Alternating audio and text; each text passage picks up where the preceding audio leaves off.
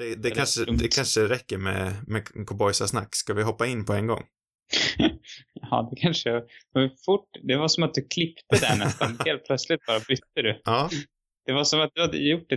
Du hade redan gjort klippningen och jag hängde inte med på det. Nej, jag sitter och redigerar i hjärnan. Men mm. ska vi ta och hugga in på, på filmen, veckans film?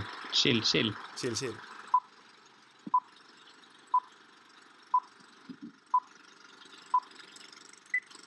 Hej och välkomna till ännu ett avsnitt av Radio Rubus. Det här det är Filmklubbspodden där vi varje vecka pratar om en ny film från obestämd genre och era. Och den här veckan sitter jag som vanligt med Sam. Mm. Och den här veckan ska vi prata om filmen från 1983 vid namn Människor emellan. Eller The Big Chill, som den heter på engelska. Människor emellan? Mm.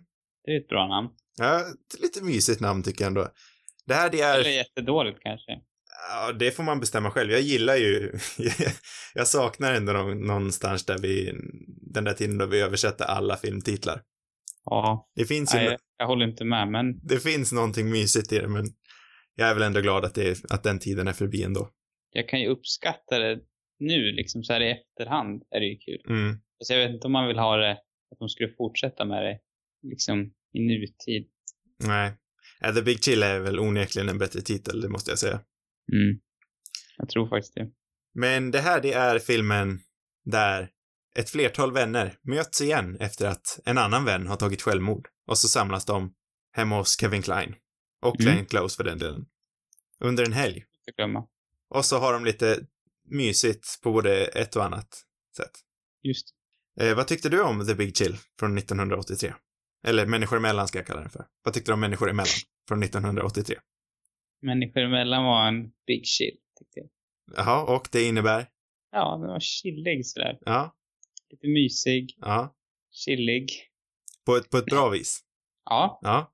Det var först lite sådär, jag vet inte, alltså man måste ju ändå säga att 80-talet är väl kanske den visuellt mest tragiska som har hänt i filmhistorien.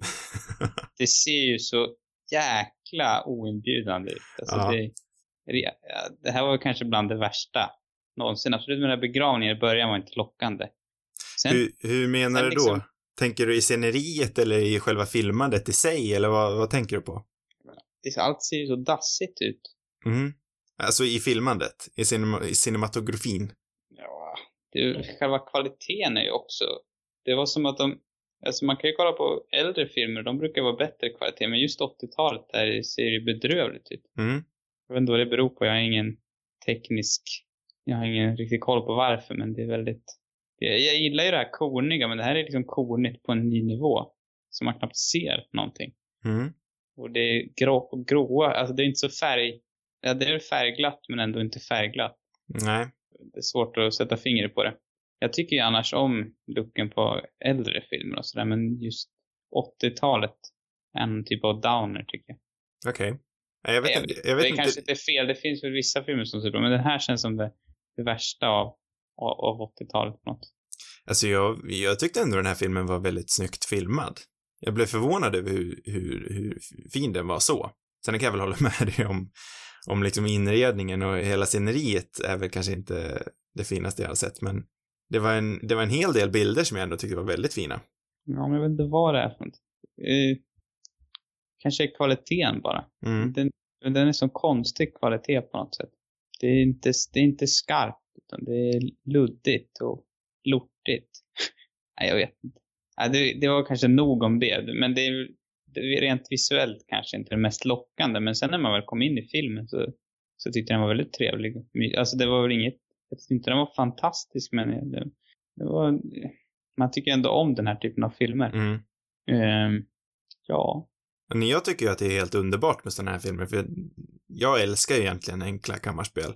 Eh, där, där man bara låter skådespelarna liksom leva livet i en månad. Mm. Man ser ju redan från första, från första scenen att det här är ju en skådespelarfilm. Den fetischerar ju nästan skådespelarna. Jag tänker mm. då i kyrkan då som sagt när han verkligen väljer att fokusera på ansiktena där varenda skådis gråter tramsigt tycker jag. Du tycker det är tramsigt? Nej, jag vet inte. Jag, just den scenen fångade mig inte direkt. Jag tycker det där, det, det känns som det där, jag vet inte. just gråta känns så klassiskt liksom. Så här, bra skådespeleri, då ska vi gråta lite grann. Mm. Ja, alltså jag säger inte... Just den delen är inte, jag blir mer imponerad av det där andra som hände senare. Mm. Som inte är just gråtandet. Alltså min, min, poäng, andra delar av skådespeleriet. min poäng är väl inte riktigt att gråtande så här är eh, toppen på vad en skådespelare kan göra, men den, den visar ju ändå väldigt tidigt att det här, det här är en film som verkligen fetischerar skådespelare. Mm. Sen om man uppskattar det eller inte är väl upp till var och en, men jag, jag tycker ju sånt är ganska kul och jag älskar ju dessutom egentligen alla av de här skådespelarna. Ja, men jag tycker ändå om, om det egentligen liksom. Men just det, det var mest den där första scenen som jag inte var så fångad av. Det kanske var när jag inte jag hade inte riktigt öppnat upp mig för den här filmen ändå. Nej. Det kom lite senare tror jag. När, när jag väl hade, jag var, jag var mer redo för filmen liksom. Jag hade kommit in i det lite grann. Då, då uppskattade jag nog den, det mer liksom. När, Eller jag såg det mer. när öppnade du upp dig? Ungefär när, om du kan sätta fingret på det. Bra fråga. Ehm, ja, jag tror nästan att jag har ett, jag tror det var den där scenen som jag faktiskt gillade väldigt mycket. Det var när, när alla personerna packade upp sina väskor. Mm, Jag tror det var, det är ju ganska tidigt liksom. mm jo, det Men är det ju. det är ju egentligen precis efter begravningen. Mm. Men det var då. När de så här bäddade sängarna tillsammans och Ja. packade upp. Det tyckte jag var mysigt. Det kändes på något sätt. Det var där de liksom satte vad, vad den här filmen, en, vad det är för typ av film på något sätt. Mm. Känslan liksom. Och var då jag började bli lockad. Ja, men det, här, det här är ändå rätt, det här kommer bli en rätt mysig film tänkte jag. Ja, ja, alltså egentligen är ju liksom själva anledningen varför de är där, den är väl inte riktigt irrelevant i handlingen, men om man, om man ska fråga sig vad grejen är så är det ju att se de här skådespelarna eh, agera med varandra. Alltså se dynamiken mellan de olika och se olika par i olika situationer till exempel. Mm. Det är ju där den riktiga nyckeln finns.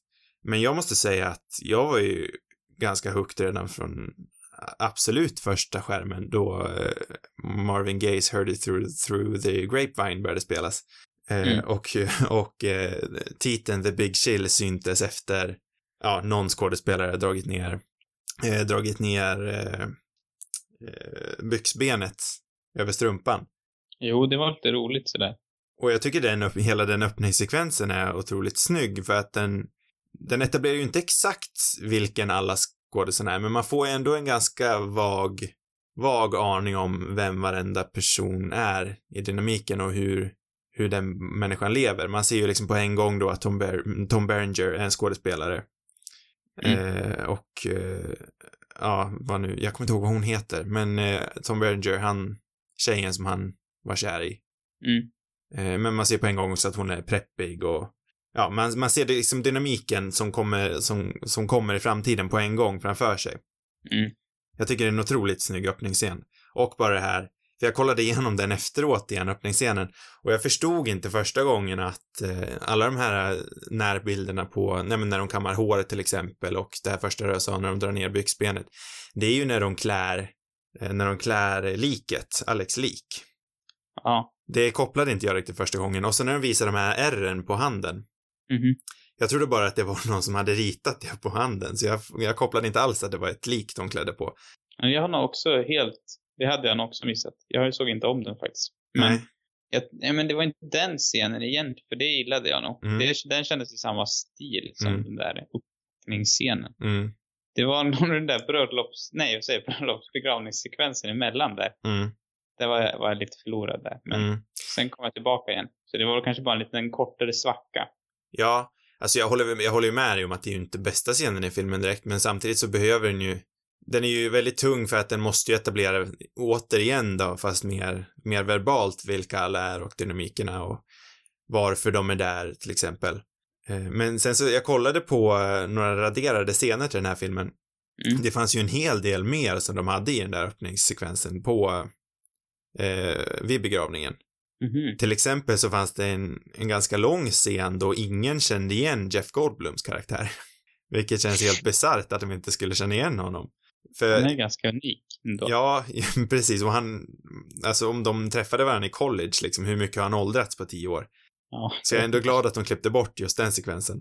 Ja, det, lå- det låter som en dum scen. Mm, Jag tror att det var delvis mitt hat för att det än en gång hade valt en iTunes-film som också förstörde den där be- begravningsscenen. Ja. Det kan ha varit det. Men sen så smälte jag när eh, Goldblum packade upp sina kondomer. Mm. Då var det liksom, det var vändpunkten. Mm. Ja, nej, det är nog, där är ju återigen en sån där liten detalj som säger så mycket om hans karaktär utan att egentligen säga någonting. Ja, för ett spår på något vis. Ja, Sen var det ju väldigt uppenbart, men jo. det var tidigt, tidigt för liksom varnade kan man säga. Vi pratade ju lite förra veckan om så här skådisar som jag blev glad av. Då var det ju eh, Pollack som jag, Sidney Pollack som jag automatiskt bara lyser upp av. Och den här filmen är ju verkligen fylld av sådana skådisar. Mm. Särskilt Kevin Klein. Eller Kevin D. Klein som han, jag tror att han har ett smeknamn. Då, då, då man i branschen brukar kalla honom för Kevin D. Klein eftersom han alltid tackar nej till roller. Alltså, det är på något vis de här skådisarna, förutom Goldblum då kanske, jag känner att de är så bekanta på något sätt, men ändå känns det inte som att jag har sett så mycket filmer med dem. Jag vet Nej. inte vad det beror på. Nej men Kevin Nej. Klein är ju verkligen en sån, för han är ju så jäkla bra. Han har ju en charm som få besitter. Han är lite Ted Mosby för mig nästan. Ja, men säga? faktiskt lite grann. I alla fall i den här. De har, ja, i alla fall i den här ja. De har lite samma typ av charm. Mm. Och så Glenn Om jag Close ska liksom vika in en av mina eviga referenser till andra där. Dickens. Ja, nej, men jag, jag förstår den faktiskt. Eh, det är inte helt olikt. Han skulle lätt ha kunnat spela Ted Mosbys pappa. Mm. Eller den äldre Ted Mosby kanske. Ja, Rösten kanske han skulle gjort. ja, faktiskt. Den är rätt bra redan. Ja, det är den. Eh, Men Glenn Close är också en sån där skådis. Ja, men hon är ändå, hon, hon har ändå varit med på något vis. Mm. Alltså, men just Kevin Klein vet jag inte vad jag har sett för mer film med. Men ändå känner jag att jag måste ha sett fler filmer med honom. Jag kan bara inte, jag har ingen aning vad det är. Nej, jag skulle inte heller kunna säga vilka, vilka filmer du har sett och inte, men han, han är ju den där som, han är ju en perfekt everyman egentligen. Mm. För han är, han är ju inte så här klass, han, det är ju en stilig karl, men han är ju inte den här klassiska Hollywood heartthrobben om man säger så. Nej, det är kanske det som är grejen. Jag gillar oftast de där mest. Mm. Nej, men jag tycker ju att han är fullkomligt briljant. Men sen så Ja. tänkte jag också på det i den här filmen var för Tom Berenger, han som spelar skådespel skådespelaren i filmen. Mm. Eh, han älskar jag också, varför han har ju ännu mindre av en karriär. Han gör ju verkligen så här B-actionrullar nu för tiden. Ja, det är där han har försvunnit. Ja, men jag tycker ju han är sjukt bra i den här filmen också. Och Han var i nästan min allmänhet. favoritkaraktär faktiskt. Ja, Otroligt mysig. Det kan för att han delar mitt namn också. ja, precis. Och för att han har sån briljant tv-serie. Ja, och så har han en sån där musch Mm. som man önskar att man kunde ha. Liksom. Ja, men det funkar inte riktigt. där, sku- där tycker jag inte du kan snacka skit om 80-talet, för där, då visste man i alla fall hur man gjorde muschar. Alltså jag är, det- det var bara att det är någon som har fipplat med kameran. Ja, Det var, nej, jag vet inte. Det kanske var dåligt restaurerat. Ja, fast jag reflekterade verkligen inte över... Fast jag, jag kollade ju upp på den här filmen på datorn. Jag gjorde också det. Ja. Nej, jag vet inte. Jag, jag brukar, det låter fjantigt att haka upp sig över sånt där. Jag brukar, ja men det, ja jag vet inte. Det är svårt att riktigt sätta fingret på det. Det är just där, på 80-talet man såg det här, jag. Ja. Men jag vet inte. Jag har ingen, ingen riktig bakgrund till det. Nej, Det jag, känns som att det var skarpare på 70 och 60-talet och 50-talet också. Vilket är liksom inte, jag vet inte varför det känns så. det jag vet att den här filmen har en eh, Criterion-restauration. Mm. Det hade varit väl, eh, riktigt intressant att se hur den såg ut med tanke på det du säger. Det är kanske att jag har sett en massa såna här överdrivet skarpa restaurationer bara av filmer. Ja. Eh, nej, men Vi behöver inte haka upp oss mer på det. nej, men det är ändå intressant det här med 80-talet, för den är ju, den är ju verkligen liksom knuten till 80-talet, bara rent produktionsmässigt och liksom handlingsmässigt. Eller handlingsmässigt är den ju inte så knuten, men eh, produktionsmässigt så är den ju verkligen det, för casten, eh, han som skrev och eh, regisserade den här, han är ju verkligen, han har ju stark anknytning till 80-talet. Han skrev ju Indiana Jones och Star Wars och 80-talets populärkultur kan man ju verkligen tacka honom för. Ja, det är ju därför det här är ett så spännande, det är en intressant film av honom ändå. Liksom. Mm. Ja, men Och han har ju gjort ett, mycket sånt liksom här. medvetet val också att, ja, jo, det är sant. Det kanske är det som är storheten i de andra filmerna också, att han, att han bemästrar även den, det lilla filmskapandet. på något Mm. Jo, men för egentligen kollar man på hans egna filmografi, liksom där han har regisserat, då är det ju mycket sådana här filmer han gör. Han är ju inte Mm. riktigt en en science fiction-filmskapare, utan han, det är ju snarare en ovanlighet att han gör större actionfilmer. Mm. Men för han är ju verkligen, han, han bemästrar ju den här karaktärshumorn Mhm. som egentligen är så svår att uppnå. Eh, För det, den, det är ju inte några riktiga, det är ju inga riktiga skrivna skämt så, utan humorn kommer ju från, från hur skådespelarna agerar med varandra och sen så hur, hur de liksom konstant, ja men den kommer ju från skådespelarnas dynamik. Man köper ju verkligen att de här är kompisar och det är därför man har kul med dem. Ja. Den, den, den är så otroligt naturligt skriven på det viset och det är ju det som Kastan verkligen framhöjde i Star Wars-filmerna och det är det jag känner att The Last Jedi till exempel saknar. Mm. Ja, det kan jag nog hålla med om. Men sen i sig så är ju handlingen tidslös. Den är ju inte alls knuten till 80-talet egentligen. För det är ju ingenting som känns riktigt så här förlegat, men ja, förutom Kevin Kleins eh, springshorts då. Va? Nu förstår inte jag vad du menar. De känns ju inte riktigt som att de hör hemma idag. Jag skulle ändå kunna tänka mig att ha ett par sådana där. Ja, Mina springshorts är ändå, jag har ett par som är re relativt korta. Inte riktigt sådär korta. nej för Men- de där är ju kalsongkorta. Ja, definitivt. Nej, jag, Fladdriga kalsonger är också korta. nej, jag hade, jag hade nog inte haft på mig dem själv, men jag hade inte haft någonting emot om det där modet kom tillbaka. Nej, jag hoppas nog ändå på en återkomst. Springshortsens återkomst. Ja, den där typen av, av springshorts. Det hade jag velat sett mer av. Vi pratade ju lite om, eh, om skådisarna innan och det är mycket det här, mycket av det här avsnittet kommer ju handla om skådisarna för det är ju, det är ju som sagt verkligen det filmen handlar om. Mm. Glenn Close är ju den enda som blev nominerad till en Oscar för den här filmen och jag förstår eh, faktiskt inte riktigt varför hon var den av alla de som blev det. För att de grät. Ja, men lite, Mest. hon, hon hade en naken gråt, gråtscen i duschen. Hon offrade mest. Ja. För jag, jag vet inte riktigt vem jag skulle säga är den riktiga MVPn i den här filmen. För den, den är ju verkligen otroligt jämnfördelad. Det är ju ingen som jag skulle säga är riktigt tydlig huvudkaraktär. Nej, Det är ju en ensemblefilm through and through. Ja, så är det ju. Och jag gillar ju verkligen hur de verkligen anstränger sig att varenda, alla olika karaktärer ska få umgås med varandra. Det är inte alltid två par hästar som är tillsammans, utan de skiftar alltid med vilka de umgås med. Ja, det gillar man ju. Det, den utforskar liksom alla, alla karaktärers relationer med varandra. Ja, På ett sådär trevligt vis. Det är lite också av den här, alltså på något vis, uppfyller på något vis den här kanske drömmen, jag tänker, att man kan ha som kompisgäng. Någonting man vill göra, liksom. Det är det som är nästan omöjligt att, att uppnå. Den här, att det skulle vara en hel helg som man hade ja. till varandra. Men det kommer, Det- det kommer bara hända när någon dör. Ja, ja, det är det jag vill säga. Så det är bäst att någon dör. Eller vadå? Nej, jag vet inte, alltså egentligen tänker jag väl att filmen säger att vi lever för mycket i det förflutna. Mm. Ja, så kanske det är. Kanske är det den vill säga. Ja, jag tänkte lite på det, för jag känner ju att filmen kanske saknar något i slutet. Mm. Eh, jag tycker det är väldigt fint ändå liksom att eh, den, här, den här helgen stannar liksom kvar i den här helgen.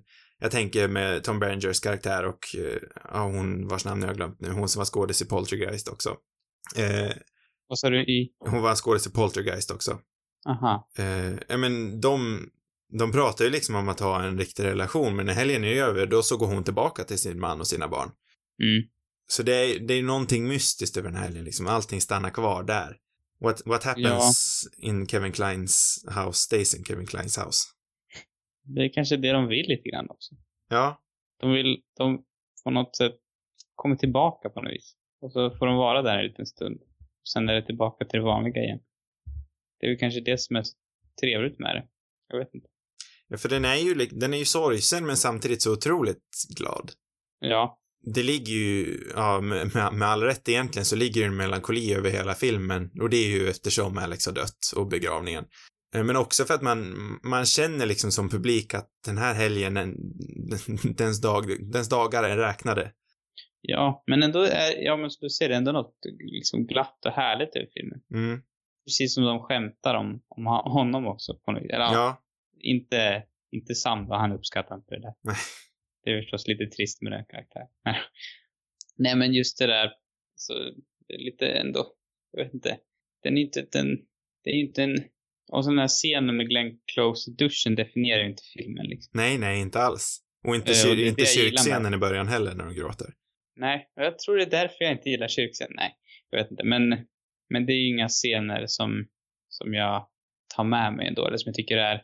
Men de, de, har säkert, de har helt klart sin funktion, men Mm. det är inte det. Det är inte essensen av, av filmen. Nej, nej. Sen så behövs, såklart behövs det ju scener då, då de visar att de verkligen är ledsna. Annars hade det ju känts ganska, som en ganska cynisk film. Ja, verkligen.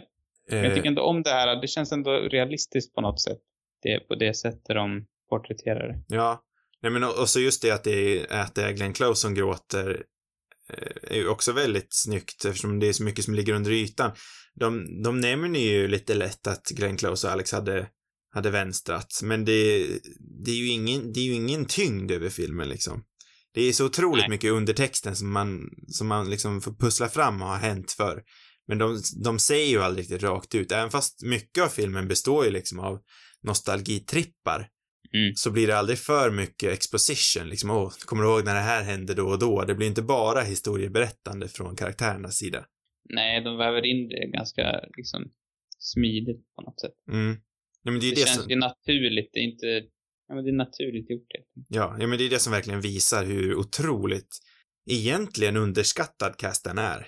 För visst, han är ju Mm. hyllad liksom för Star Wars och, ja men den här vart ju också nominerad för bästa manus tror jag. Men han är ju ingen, ja, så egentligen är väl skribenter alltid ganska underskattade i Hollywood, men han är ändå inte riktigt någon som, som verkligen är där uppe på toppen där, där jag tycker att han borde vara i alla fall. Nej. Även fast han har, med den här otroliga 80-tals nostalgiporren som slår, som slår vårt kulturella samhälle idag så har han ju absolut kommit in med strålkastaren. Mycket tack vare The Force Awakens.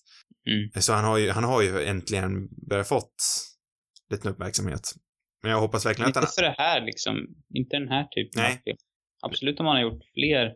Jag har ju ingen jättebra koll på honom liksom. Men om man kollar igenom hans filmografi så, och som du också nämnde så har han ju ett antal filmer i, samma, samma stuk ändå. ja, ja, han gjorde väl någon liknande film om det var 2010 eller något sånt där, men det är ju ändå åtta år sedan nu. Mm. Och man hoppas ju verkligen, och han skrev ju visserligen solo som kom ut i våras, så det är inte liksom att han har varit stilla sedan dess, men jag hoppas verkligen att han använder den, det här draget han får från Star Wars-filmerna till att göra något sånt här igen. Mm, lite mer småskaligt. Ja. Ja, det här hade ju, det här är väl egentligen, det här är ju en Netflix-film idag. ja. Eller ja, det behöver inte vara det, men hade, ja. Nej, men det Ja. känns väl mest trovärdigt att det är de som skulle finansierat den här. Lite som, eh, jag tänker på, vad heter han? Um, Noah Baumbach. Mm, faktiskt. Och eh, ja, egentligen hela hans filmografi, men jag tänkte framförallt när vi snackar Netflix-filmer på, på hans senaste, The Mejorovic, nej jag kan inte uttala det, Ja, något sånt där. Stories, du vet Mm, vilka jag menar. mm, Den- Den har för övrigt en otroligt härlig konighet, så jag kan uppskatta det. mm. Där är det jävligt snyggt, men inte den här. Eh, nej, men den känns samma, det är samma stryk på något vis. det är no, Där är det istället familjedrama. Eh, som har både liksom mörker och humor. Och det är lite samma känsla då kan jag tycka. Mm. Jo, men det är det. Den är ju, om vi fortsätter snacka humor, så är den lite mer quirky. Ja, det är det ju. Eh, och det är det jag verkligen uppskattar med den här. Jag gillar ju quirky också. Jag, jag älskade The Meyerowitz Stories. Eh, men jag uppskattar också liksom att det finns den här uppriktiga, mer uppriktiga humorn som, den här, som eh, människor emellan visar. Ja, jo. Jag skulle vilja snacka lite om Alex. Mm. Har du läst någonting om eh, bakom kulisserna på den här filmen? Nej, jag tyckte jag läste någonting om att, om att han skulle ha varit med från början. Ja, men du, vet- du vet inte vem... Kevin Costner. Ja, jo, ja. Jag tänkte fråga dig vem du tycker skulle ha spelat Alex, men då... Aha. Jag gillar ju inte Kevin Costner Nej. speciellt mycket överhuvudtaget. Det är jättesvårt för honom av någon anledning. Så jag är ju tacksam att vi slapp se honom. Men jag, jag kanske kan få välja någon annan ändå. Ja, jo, välj någon. Fast man- det känns, jag måste ju, det måste ju vara någon som är liksom i samma, som hör hemma där i gänget. Ja, Just därför blir det lite svårt, för jag har inte riktigt, jag nej men, för, nej men för jag Ja. satt tänkte, jag, innan jag visste om att, eh, om att eh, Costner skulle varit med, så, så, så säger de ju det att William Hurts karaktär och, eh, och Alex är ju väldigt lik varandra. Mm. Så satt jag och tänkte på det, vem är det som är lik eh, William Hurt? Men Kevin Costner är verkligen ett perfekt val för det. Jag tänker Jeff Bridges då. Ja, ja, ja kanske. Tycker de är väldigt lik varandra. ja, fast ja, det är ändå, Kevin, det var nog samma hårlinje och så samma haka också tycker jag. Eh, Jag tycker Klein och, eller eh, Hurt och eh, Costner faktiskt en riktigt bra rollsättning. Men för hela, hela grejen var ju liksom i slutet att innan eftertexterna började rulla så skulle, så skulle den ha klippts tillbaka till eh, en Thanksgiving-kväll på 60-talet då alla fortfarande levde. Och då skulle man få se dynamiken som var då. Mm. Med Kevin Costner vid liv då och alla andra också. När, jag Det hade antar, varit spännande. ja, jag antar att det hade varit när de gick på college. Men det de kom fram till var att allt det de säger rakt ut då hade de redan visat tidigare. Mm. Eh, Så det är ju ganska stort liksom ändå, för det var det absolut första de filmade. Att liksom, Ja, de har filmat det alltså. ja, de har filmat det, men det är inte släppt någonstans. Mm. Spännande.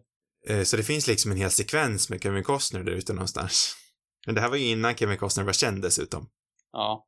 Ändå skönt att vi slapp se det. Ja, men som, som du säger så hade det varit intressant att se, men jag tycker det är otroligt mer skickligt att de ändå liksom sa allt det de ville säga. Ja, show don't tell då, som den klyschiga grejen är. Att de verkligen utnyttjar det. Att de Ja. berättar ju allting i undertexten. Eller de visar allting i undertexten snarare än att berätta det. Ja, det blir ju lika intressant film tycker jag. Jag gillar ju det här att det inte riktigt är konkret på något Nej. sätt. Att de talar om det mer än att man verkligen får se det. Men jag kan ju som sagt verkligen inte låta bli att, att vilja se jag, vill, jag vill ju se den där sekvensen bara för, bara för att bara för, för att visa för det mig hur det sett ut. Hade det varit med Jeff Bridges, absolut. Då Mm. hade jag också velat sett det. Men Nej. om det är någon skådis som man liksom kan filma en massa scener med och sen bara klippa bort så är det väl ändå Kevin Costner. Ja. Ja, han är, ja, men för både han och William Hurt har ju lite samma, William Hurt är också lite lik Kevin Costner på det viset. De har den här torrheten båda två, de är inte så karismatiska. Ja, jag vet inte. Jag gillar ju förstås. Alltså jag gillar väl egentligen också William Hurt och jag gillar ju Kevin Costner egentligen. Jag har inte så mycket emot honom. Men de, jag tycker ändå att de är lite torra båda två. Jag tycker typ att, att Bridges är lite torr också. Kanske inte lika torr. Nej. Alltså, Bridges påminner har ju lite, han har ju lite den här lite eviga pojken över sig. Ja. Och det kändes ju William Hurts karaktär också lite pojkaktig ändå. Ja, kanske. Fast ändå väldigt mörk. Jag satt och tänkte, det var ingenting jag var riktigt nöjd med, men jag satt och grubblade på om, om eh, Harrison Ford hade varit bra, men jag tror inte riktigt på den. Ja, kanske. Alltså som, som vem menar Som du? Alex. Ja, kanske. Det hade ändå varit lite intressant. Mm, jag tänker liksom, för det hade ju varit kul, nu var ju inte Costner en stor stjärna eh, vid det här laget, men det hade varit kul om det var en stor stjärna, om man nu fick se honom, om det var en stor stjärna. För jag älskar ju när de gör det, har stora stjärnor i små roller. Mm. Eh, och han är ju dessutom i samma generation, han har jobbat med casten mycket och Ja. Men det vore, det vore roligt att se. Jag har inte, alltså man skulle vilja se Harrison Ford i den här typen av roll också. mm, Alltså han skulle lika gärna kunna spela någon i gänget också. Det ja, hade varit spännande. Man har ju, eller jag har åtminstone mest sett de här stora rollerna egentligen. Ja, men jag har, alltså, jag har sett eh, Ford i några sådana här roller och han är ju, han är ju mer än den här stoiska hjälten. Han är en väldigt skicklig skådis. Mm. Eh, men som Jo, sagt så, kan- som sagt så, det är ju kul att fantisera om vem Alex hade varit, men jag tycker absolut inte att det är nödvändigt. Men man får ju, man Att får, fantisera, eller ha med honom. nej, att de, att de är honom. Men man får ju faktiskt se Costner lite grann i filmen, för det här liket som de klär upp i den här scenen då Marvin Gayes låt spelas, eh, det, och då är Kevin Costners hårlinjer de kammar och det är hans ben de drar för strumpan på, Vi får se precis lagom. ja, aldrig hans ansikte. Apropå, och när du ändå nämner Marvin Gaye där. Mm. Det är ju ett otroligt soundtrack. Ja, det är- jag, kan ju dock, jag kan ju dock hålla med dig i den här filmen att här kanske de går över gränsen med antalet låtar. Mm. Men den är ju, det är ju bara skitbra låtar. Ja, alltså, jag älskar de här låtarna. Ja, jag med. Jag håller, jag håller det- med dig om att den går på gränsen över för många låtar, men när de är så bra som de här är, så har jag, så har till och med jag ingenting emot det. Nej, det, det är ett grymt soundtrack. Det är strålande bra, eller? Ja, men alltså verkligen. Det, är, Ja, det finns det är inte liksom mycket att säga. Gaye och det är Stones och det är Temptations och oh, och- varenda låt. Ja, och i början, i början så tycker jag faktiskt att det är väldigt snyggt invävt. Jag älskar när de spelar eh, You can't always get what you want på piano Mm. där i början, för det är, det är också ett exempel på den här otroligt subtila humorn, för det är ju jättekul egentligen att de börjar spela den låten. Ja. Men också Ja. väldigt mörkt. Ja, så är det. Nej, men alltså, sen spårar det väl ur där mot slutet. Ja, På något sätt. Det känns som att de ska försöka klämma in en massa låtar här de här sista skälvande minuterna. För där får de verkligen in, jag vet inte hur många. nej, jättemånga, verkligen.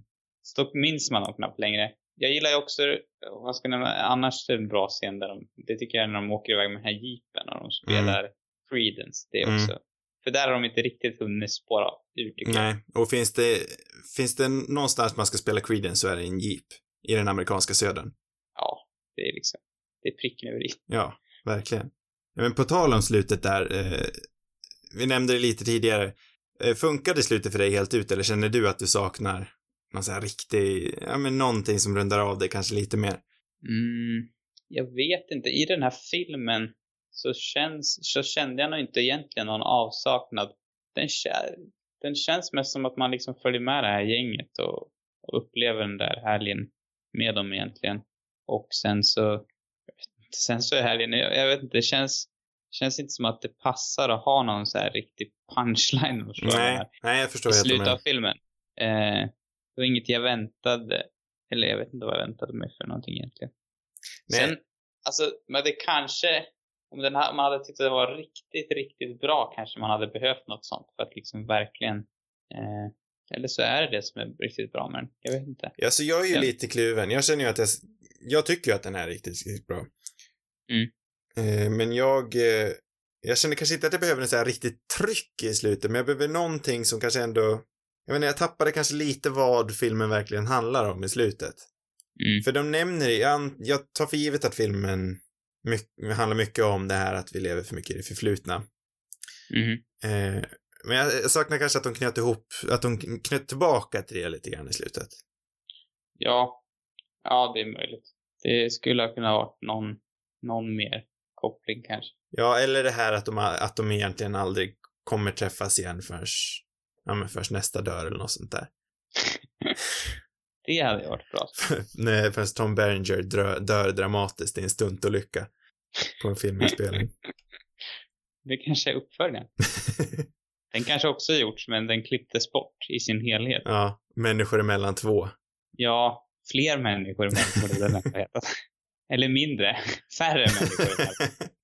Det är det bästa. Ja, betyder ens människor emellan? Jag förstår inte den meningen. Människor emellan. jo, ja, nej, ja. Men, Förstår ja, du den meningen? Kan du förklara den? ja, men nu sitter vi här och pratar, bara vi människor emellan. Jaha, är det så? Jag antar att det är så. Aha. Men The Big Chill har väl, The Big Chill är väl något slags fenomen. Jag kan inte säga vad, vad det är och vad, vad det innebär. Men The Big. Chill, för The Big Chill låter ju också ganska intetsägande egentligen, men det, det, jag vet att det är något slags fenomen som jag inte vet vad det är. Nej. Nej, men det låter trevligare. Ja, det gör Ja, det. eller gör det inte det? Jag vet inte. Men färre, färre människor emellan tyckte jag. Det var bra. Ja, det är bra. Det är en bra titel Det, det är en bra titel. Varför, tog- varför gjorde han inte så för? För det hade ju funkat på den här också. Ja. Och så hade en, mm, tvåan hette ännu färre människor emellan. Och sista, inga människor emellan. nu är det bara en kvar. Ja. Men Vem människa. tror du överlever sist?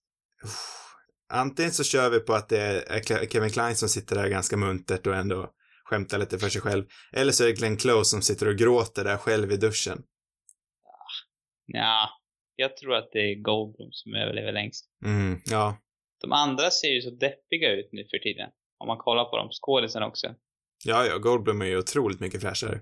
Han är ju den fräschaste av dem. Ja, alltså han har ju gått in i någon slags stilrenässans just nu. Det finns ingen coolare än Jeff Goldblum på denna jord. Kanske Jeff Bridges. Mm, nej. Han, ja, nej, nej, han är nog inte det. Alltså, Goldblum är nog coolast faktiskt. Och det, för han var ju långt ifrån det i den här filmen tycker jag. Det är ju på senare år han verkligen har blivit riktigt check. Ja, men han är check här också, men han är inte liksom häftig. Nej, alltså vis. han är inte ansträngt check. Nej, jag vet inte. Det är svårt att sätta fingret på det. Men det är ju, man kan ju ändå på något sätt känna i, redan i den här filmen att det är ändå han som kommer bli den största stjärnan, tycker jag. på något sätt. Han kanske inte är den största stjärnan, men jag ser honom. Ja, nej, Jag vet inte riktigt vem jag skulle säga är den största stjärnan egentligen. Han känns mest unik. Ja, för jag tänker liksom, det är ju nu på senare år han, han har fått en, lite av en comeback. Men eh, 20, så från Jurassic Park 2 egentligen fram till, ja men de senaste fyra åren kanske, så skulle jag väl inte direkt säga att han gjorde något jätte, så jättemycket av värde. Nej, kanske inte. Och värde vet jag väl aldrig om han gjort någonting. Men han är, han är liksom en unik skådis. Ja, han är en personlighet. Känns inte riktigt som att vi har kommit in på, på de här karaktärernas eh, bekymmer och, eller liksom, men jag vet inte om vi behöver det heller. Nej, det är så, De, det är så otroligt mycket, många bekymmer. Ja, det kommer bli mastigt om vi ska gå in på alla. Ja, då blir det en till podd som förra veckans. Ja, men man kan väl sammanfatta i alla fall att det känns som att alla har sina, alla har ju sina egna problem liksom och alla känns trovärdiga på något sätt. Och det är ju väldigt snyggt hur de väver samman de olika karaktärernas bekymmer och sådär, tycker jag. Ja. Jo, och, och hur deras förflutna också. Ja, de knyter ihop det på ett liksom väldigt snyggt vis Mm. I en film som känns väldigt okrystad. Ja, det hade kunnat blivit krystat på något vis. Mm. det där när man ska knyta ihop folks öden och bekymmer och allt sådär. Men jag tycker att det, det känns så naturligt liksom. Och det är där tror jag den största styrkan ligger nästan. Ja, nej, och jag tycker heller inte att, eh, att den går in i det här uh, klyschiga att man måste eh, hem för att hitta sig själv. För det är ju lite sån film den är ändå. Vi alla har spridit på oss, någonting har hänt hemma, så vi måste tillbaka och där hittar vi vilka vi verkligen är. Men så är det ju Mm. egentligen inte alls. De, Nej. de hittade ju kanske vilka de var, men det blir ju ganska tydligt någonstans att det inte är de, att de inte är de personerna mer. Ja, De kanske, de kanske går tillbaka till det ett snäpp där under helgen. ja, Men de har ju liksom sina egna liv nu. ja precis. Och det är dags att vara vuxen och ta ansvar för det. Ja, precis. Ha ansvar nu. Och med de visa orden så tror jag att vi känner oss klara, eller? Ja, jag tycker det får avsluta. Ja. Det var allt för den här veckans avsnitt av Radio Rubus. Fler avsnitt Mm. hittar ni på cinemarubus.com. Har ni frågor och vill ha svar eller har ni kanske ett förslag till och med så skicka in det till cinemarubus.gmail.com. Och nästa vecka så eh, tar vi ett litet avbrott för att veckan efter det så firar vi 40 avsnitt. Och då har jag och Sam planerat det här. Att vi ska som vanligt köra ett retrospektiv och då ska vi diskutera en av mina absolut en av mina absoluta favoriter i, eh, i den moderna svenska filmvärlden, nämligen Lisa Langset, Mm. den stora dramatikern och filmregissören. Eh, Så vi ska diskutera hennes tre filmer, eh, Euphoria, Hotel och Till det som är vackert. Yes.